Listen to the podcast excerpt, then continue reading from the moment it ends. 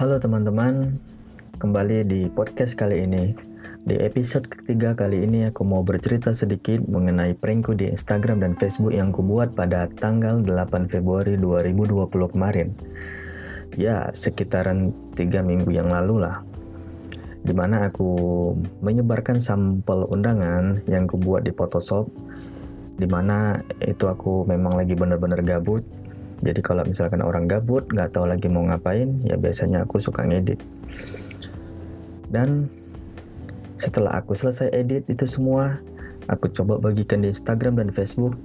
Alhasil views yang di Facebook itu sampai 600an sebelumnya view storyku ini ya nggak sampai segitu kan? Ya bagiku ini adalah rekor lah yang terpecahkan selama seumur hidup gitu story sampai 600an orang yang lihat.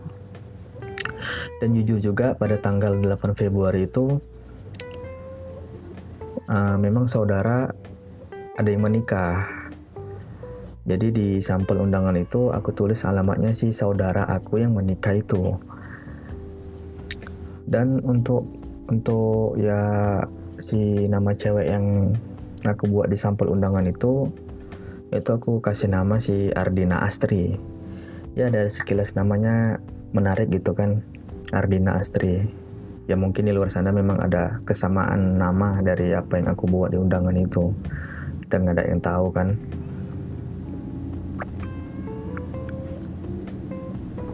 Kalau ditanya kenapa aku bisa berpikiran dapat ide yang seperti ini itu dari mana? Jawabannya hanya satu. Mungkin kalian agak lucu mendengarnya ini kan. Aku ngedapet imajinasi ini pas aku lagi boker gitu kan. Lagi boker. Jadi ya imajinasi itu memang keluar banyak pas kita lagi ngebuang air besar gitu.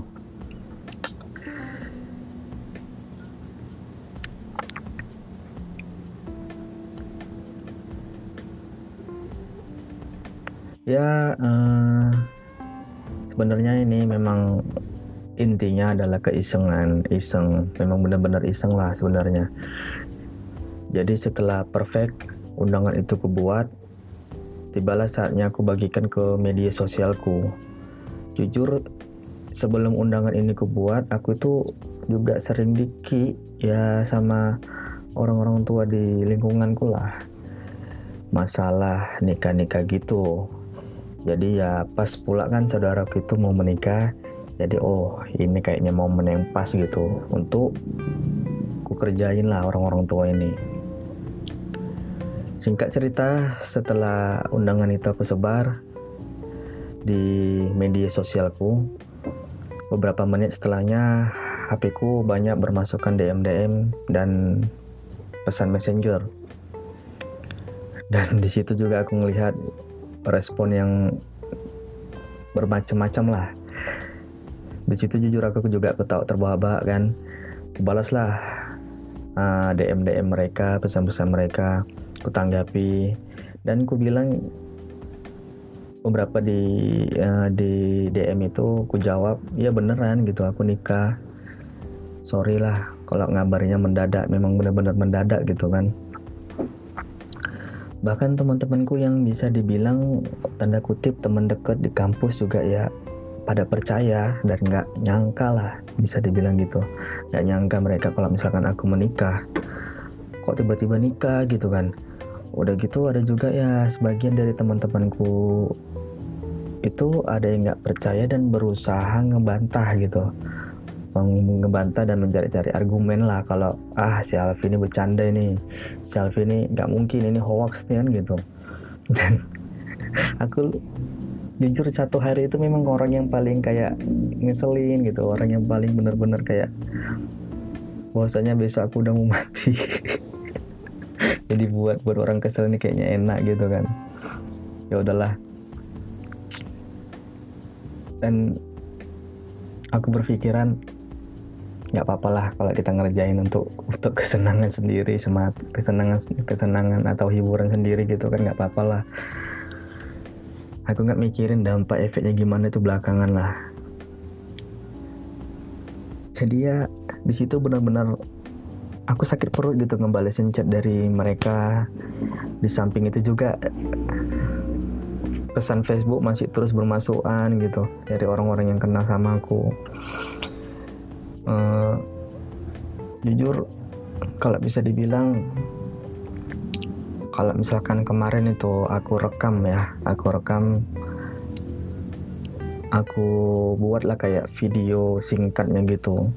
Dari pertama aku mengedit undangan itu di komputer lalu aku sebarkan ke media sosial atau kupotokan lah isi DM atau pesan-pesan messengernya tapi masalahnya di situ aku memang benar-benar nggak kepikiran gitu. Bukan nggak kepikiran sih karena handphone yang aku pakai ini kan cuma satu. Dan alat untuk ngerekam ini kan aku biasanya kalau ngerekam itu kan dari handphone. Karena karena kamera ya ya udah jadi kalau ada aktivitas-aktivitas yang memang memungkinkan aku untuk membuat video atau foto biasanya aku dari handphone gitu dan handphone itu tadi kan aku pakai untuk ngebales DM dan pesan-pesan messenger. Jadi nggak sempet ngebuat ngebuat kayak ya bisa dibilang vlog lah. Hanya saja di situ aku kurangnya itu aja. Aku nggak bisa ngebuat video vlog. Jadi ya kalau misalkan aku cuman ngomong kayak gini kan nanti yang ada jatuhnya hoax gitu kan. Dan aku juga kemarin sempat meletakkan uh, bentuk undangan itu seperti apa? Bentuk undangan itu seperti apa? Di highlight story Instagramku oh ya buat kalian yang belum nge-follow Instagramku bisa kalian follow di @alvinazer. Kalian bisa berteman sama aku di situ ya. Bisa ngelihat storyku bisa ngelihat aktivitas hari-hariku tapi aku mulai agak ngearsipin foto-foto juga ya. Karena ya aku mulai agak menjadi seseorang yang gak mau menampakkan wajah lah. Walaupun sebagian udah ada aku taruh wajah aku di YouTube di channel YouTube gitu kan. Cuman ya ya udahlah kalau misalkan video itu yang udah ada nampakkan wajahku ya udah. Tapi untuk sekarang ini aku berniat untuk sedikit mengintrovert diriku lah menutupi ya kepribadian gue sedikit lah dengan tidak menampilkan wajahku ya kalau ditanya kenapa karena ceritanya sangat panjang. Oke, balik ke topik tadi. Kita sampai mana tadi ya? Oh, sampai dari teman-temanku yang mengatakan nggak percaya dan berusaha ngebantai ya. Uh, Oke, okay. di sini mungkin aku akan ngebahas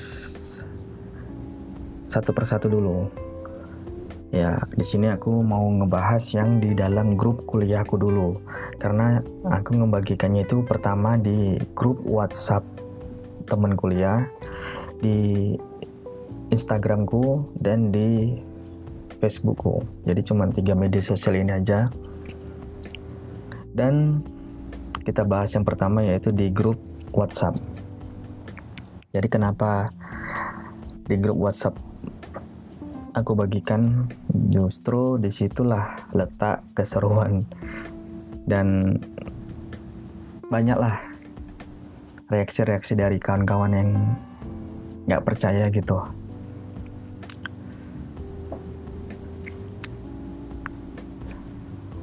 di mana di antara teman-temanku juga ada yang mengatakan beginilah kira-kira. Begini uh, ngeri ah diam-diam tiba-tiba udah nyebarin undangan gitu. Ini serius apa bercanda? Kalau pun serius pasti kau lupa cabut kan Vi katanya. Mungkin kalian ngerti lah maksudnya kan gimana kan gimana ada kata-kata lupa cabut. Jadi ya aku lawanin lah kan aku balas aku katakan kayak gini aku bilang iya aku lupa cabut ya kan weh. Soalnya kayak mana weh? Kan enak gitu weh kan? Ya udahlah terpaksa lah weh. Ya walaupun dalam mereka tahu gak mungkin seorang Alfi itu orangnya kayak gitu gitu. Apalagi ngelakuin hal-hal yang bisa dianggap ya apa ya fatal lah dan di situ pun juga mereka ditambah makin nggak percaya. Orang kayak aku kok kayak gitulah. Ya ampun Vivi. Sampai ya ampun aku ngelihat reaksi mereka sampai aduh menahan gelinya tuh nggak tahan gitu sakit perut.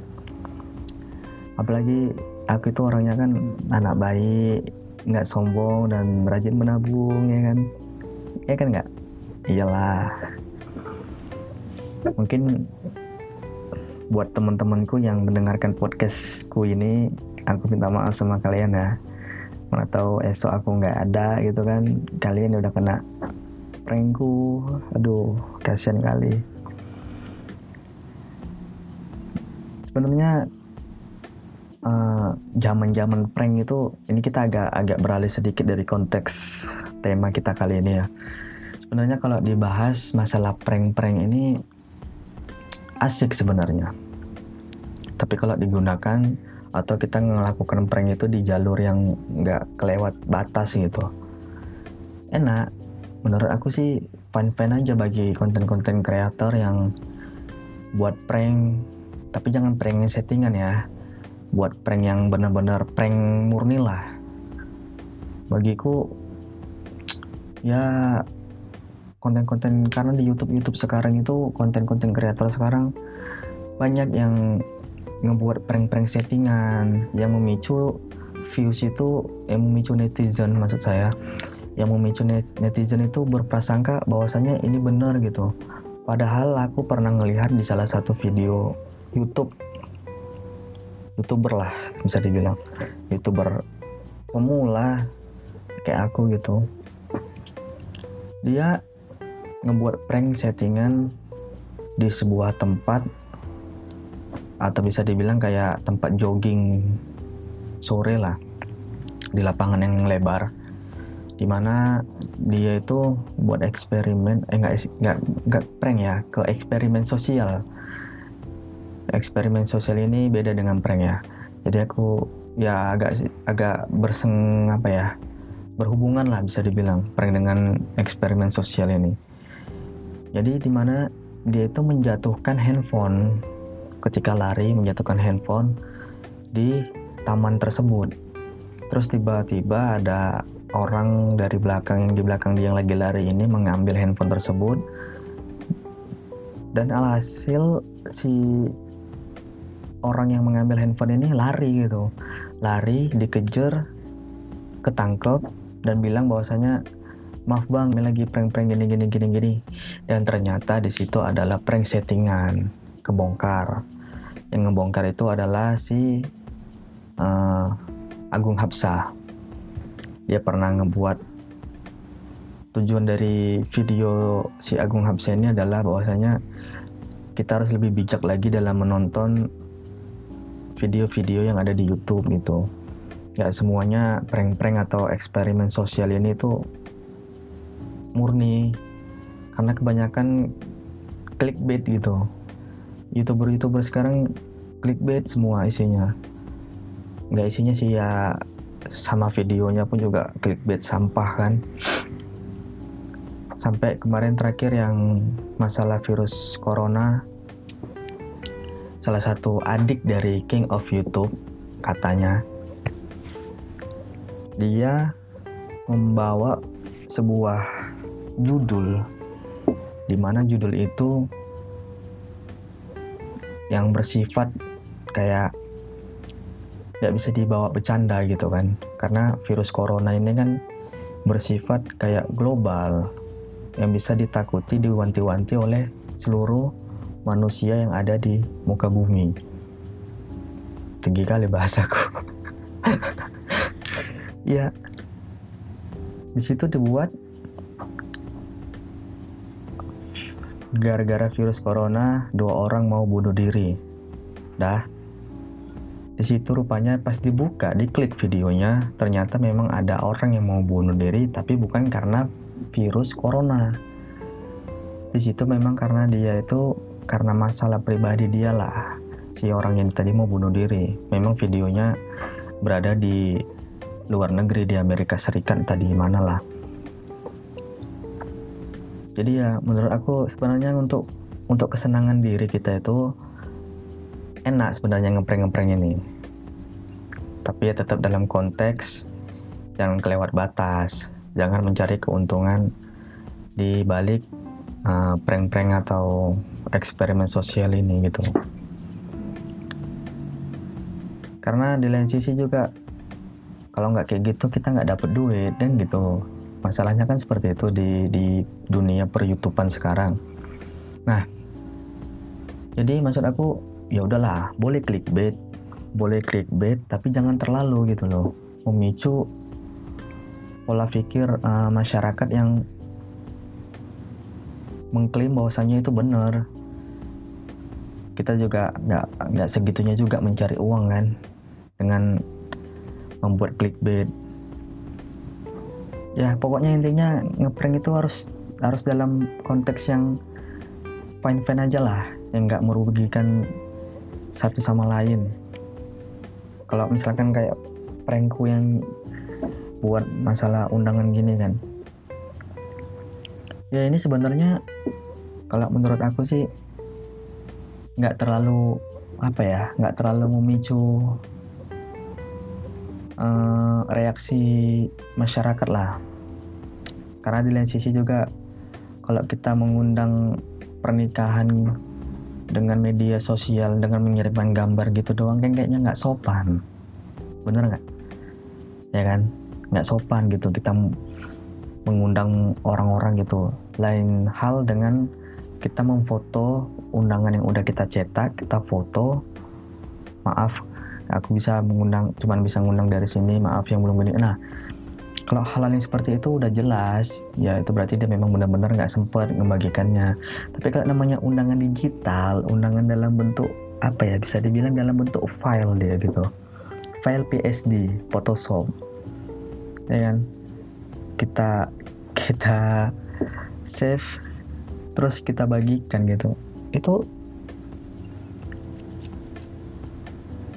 gimana dibilangnya? Kadang aku juga nggak bisa menyal mensalahkan uh, orang-orang di luar sana yang mengklaim itu bahwasanya itu benar gitu.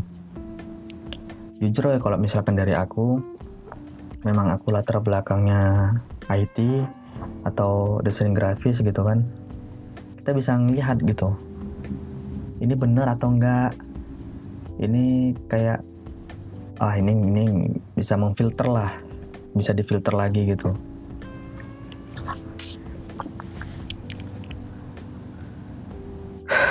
jadi ya gimana mau dibilang ya? Dan beberapa karena teman-teman di Facebook itu kan aku buat Facebook udah dari zaman SMP kelas kelas 1 lah masih zaman zaman point blank juga game-game point blank. Di situ juga aku buat Facebook. Zaman zaman poker dulu ya. Jadi sekarang itu ya pertemananku udah random nggak tahu siapa-siapa aja. Terus di, kalau di Instagram di Instagramku kali ini kenapa pengikutnya banyak aku juga nggak tahu. Kemarin in, itu Instagramku bukan Instagram asliku Instagram asliku udah terhack. Jadi Instagram ini adalah Instagram yang baru nggak baru sih. Aku pernah sempat kemarin deket sama seseorang dikasihnya akun Instagramnya ya walaupun Instagram dari orang ya. Tapi itu tuh juga random nggak tahu tuh juga banyak dari orang-orang tak dari antah berantah entah dari mana. Dan bisa dibilang random juga. Yang pasti-pasti yang kenal sekarang ini adalah orang-orang yang ada di grup WhatsApp lah di WhatsAppku karena aku juga beberapa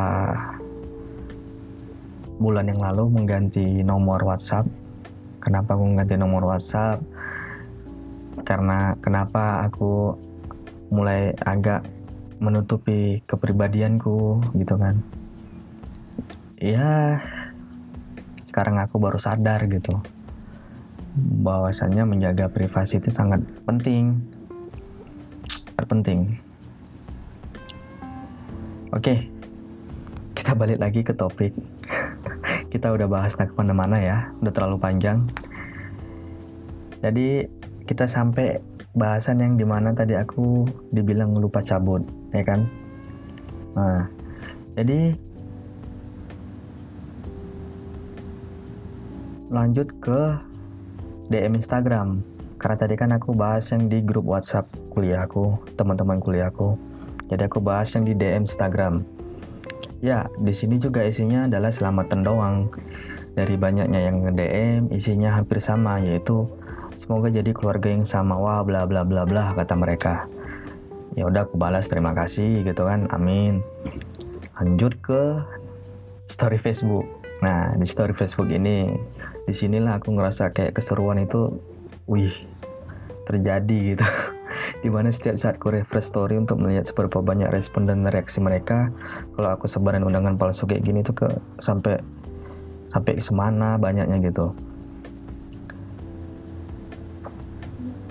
dan para dan pada hari itu juga pada hari uh, pada hari Sabtu itu juga tanggal 8 Februari kok aku ngerasa kayak orang yang paling berdosa lah. Ngerasa paling bersalah dan ngerasa lucu juga. Kenapa orang-orang ya? Kenapa orang-orang pada percaya kalau ini itu undangan pernikahan palsu? Sebenarnya itu bukan undangan pernikahan gitu itu adalah sampel undangan. Sampel undangan. Sekali lagi ya itu sampel undangan. Nah.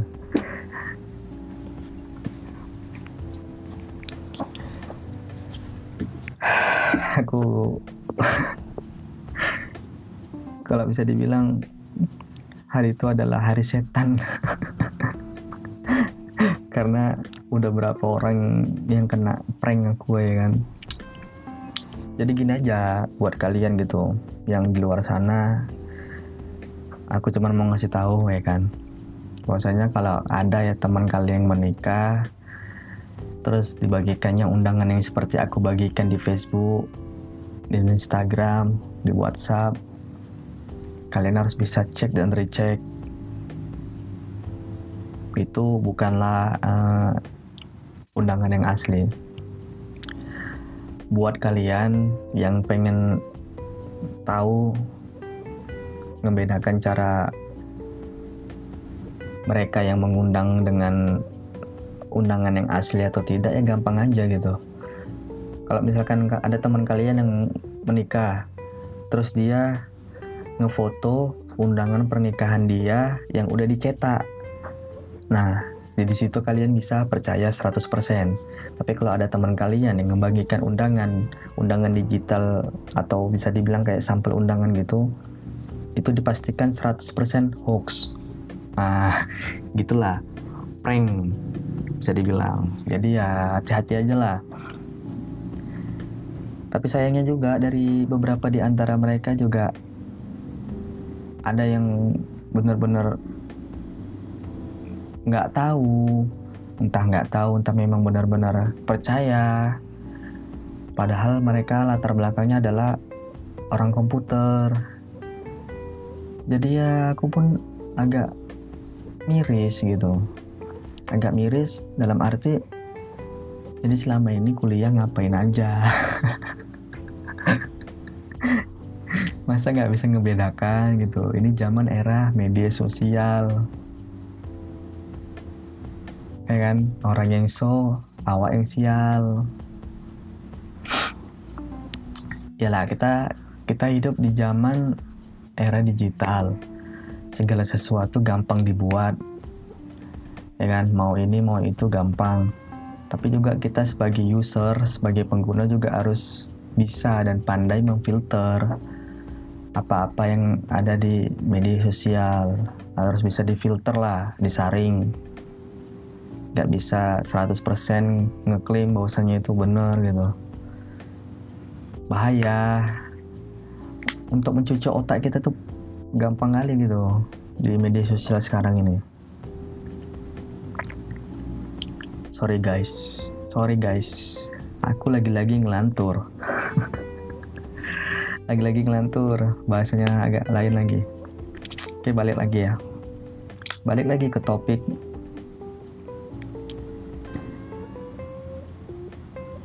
nah di sini kalau misalkan uh, masalah undangan ini aku balik lagi ya agak agak aku apa agak aku perjelas lagi lah. Kalau cerita masalah undangan biasanya kan ada foto si mempelainya gitu di undangan. Nah terus juga ada kata turut mengundangnya itu udah pasti nah di undangan yang aku sebarin ini itu jauh dari kata undangan asli. Turut mengundangnya tidak ada. Cuman hanya sebatas kata-kata uh, untuk pernikahan aja gitu alamat. Terus selamat atas pernikahan gini-gini. Udah. Jauh lah pokoknya dari kata asli undangan itu tapi ya sekilas bagi orang yang nggak tahu dan nggak bisa ngebedain memang agak sulit. Jujur memang agak sulit. Nggak agak sulitnya untuk sekilas gitu tampak mereka hanya melihat nama dan pasti mata itu tertuju sama namaku sama nama si mempelai wanitanya. Ya kan? Pasti itu. Pasti. Nggak ngelihat tuh baca bacaan yang kecil-kecil itu tuh nggak mereka mereka kalian tuh nggak pada ngelihat gitu kan tapi masalahnya uh, apa ya? Sampel undangan yang aku sebarin itu udah aku hapus lah di highlight story. Jadi kalian oh ya gini aja. Kalian bisa ngelihat uh, undangan contoh undanganku yang ku buat sekarang tuh jadi kayak prank. Undangan sampel undangan yang ku buat itu nanti bisa kalian di di IG-nya podcast Ambiar ya. Buat kalian yang nge-follow lagi-lagi aku ngepromosi ya. Apa apa lah ya. Buat kalian yang belum nge-follow follow Instagram podcast Ambiar di @podcast ambirnya A-nya diganti E jadi I M B Y A R imbiar jadinya. Jangan lupa follow instagramnya dan juga follow instagramku di @alvinizer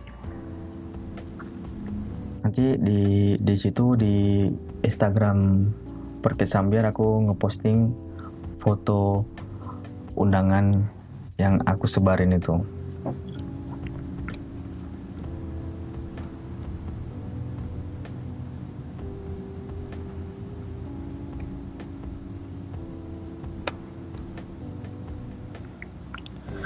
Jadi setelah capek lah aku ngerasa ngebalesin pesan mereka aku buat status di Facebook kalau itu adalah ece-ece bercanda. Atau ya itu cuma prank lah. Tapi status itu kan nggak bertahan lama aku buat karena ada komenan dari ya bisa dibilang ya saudara lah saudara. Tapi bukan saudara kandung. Di mana beliau ini juga bisnisnya dulunya sama kayak aku kan dan sekarang bisa dibilang dia udah agak hijrah lah. Udah nikah juga. Yang bisa dibilang ya agak taat sama agama gitu. Jadi ya aku hapus lah. Kenapa aku hapus? Karena aku jujur paling nggak bisa yang aku buat ini tuh disangkut pautkan sama agama. Jadi bahasanya tuh nanti jadi makin merembet gitu loh kalian tahu lah kan, misalkan segala sesuatu yang kalian lakukan itu disangkut pautkan sama agama. Gimana coba kalian? Nah, di situ juga aku agak agak apa ya, agak dongkol lah, agak dongkol bisa dibilang. Dongkol kali pun.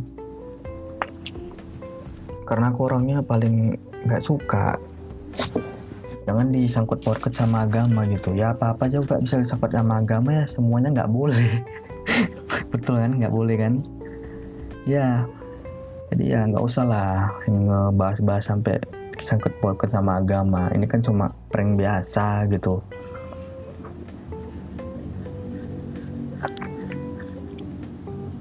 Yang awalnya tadi adalah seru-seruan buat bercandaan langsung langsung jelek aja gitu kan. Disangkut pautkan sama agama.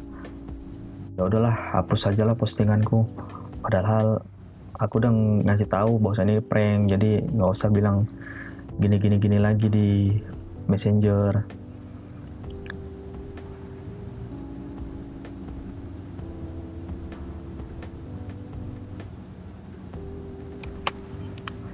Jadi ya bisa dibilang ini adalah rank pertama kaliku yang berhasil.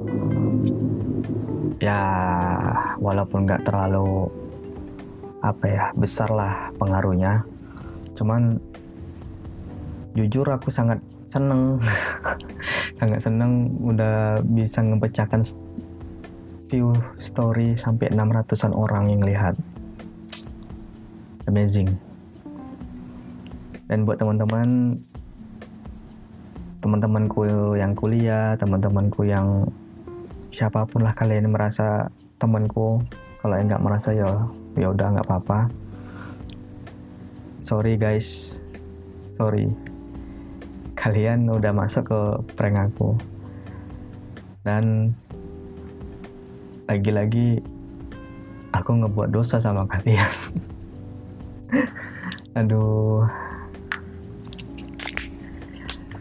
Ya mungkin episode ketiga kali ini bahasanya lagi lagi dan lagi sangat random. Sangat acak. Sangat abstrak. Dan intinya episode ketiga kali ini mengenai prankku atau prank pernikahanku ya. Cukup berhasil dan cukup memuaskan salahnya aja satu aku nggak sempet nggak sempet bukan nggak sempet. Aku nggak ngevideoin nggak aku buat vlogku dalam prankku kali ini. Mungkin kalau misalkan aku buat video dari pertama aku proses pembuatan sampel undangan itu sampai aku ngebagikan sampai ngerespon kalian teman-temanku kayaknya menarik gitu kan. Tapi ya apa yang mau dibilang karena handphone cuman satu peralatan untuk ngevlog juga seadanya. Ya doain aja supaya media interaktifku ini di podcastku kali ini bisa aku buat lagi untuk seterusnya. Jadi kalau memang aku nggak sempet lagi ngebuat podcastku aku juga nggak mentok sampai ke episode 3 kali ini tapi mungkin uploadku bakalan agak lama dikarenakan karena ngebuat ini harus pakai mood ya. Ngebuat apa-apa tuh harus pakai mood ngebuat konten tuh harus pakai mood. Jadi jujur ini aku rekaman pada tanggal 26 Februari jam 11 malam lewat 15 menit lah. Padahal prankku itu udah tiga minggu yang lalu pada tanggal 8 Februari. Bahkan dari kemarin juga pengen ngebuat video pengen ngebuat podcast rekaman lagi. Tapi entah kenapa memang benar-benar males benar-benar aduh nggak mood gitu. Jadi ya mau menyatukan mood ini tadi agak sulit untuk diriku ya pribadi.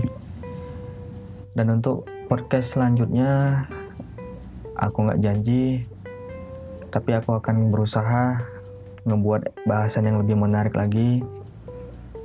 Ngebahas yang ya bisa dibilang ngebahas enak lah. Ngebahas ngebahas santuy ngobrol-ngobrol. Dan buat kalian juga yang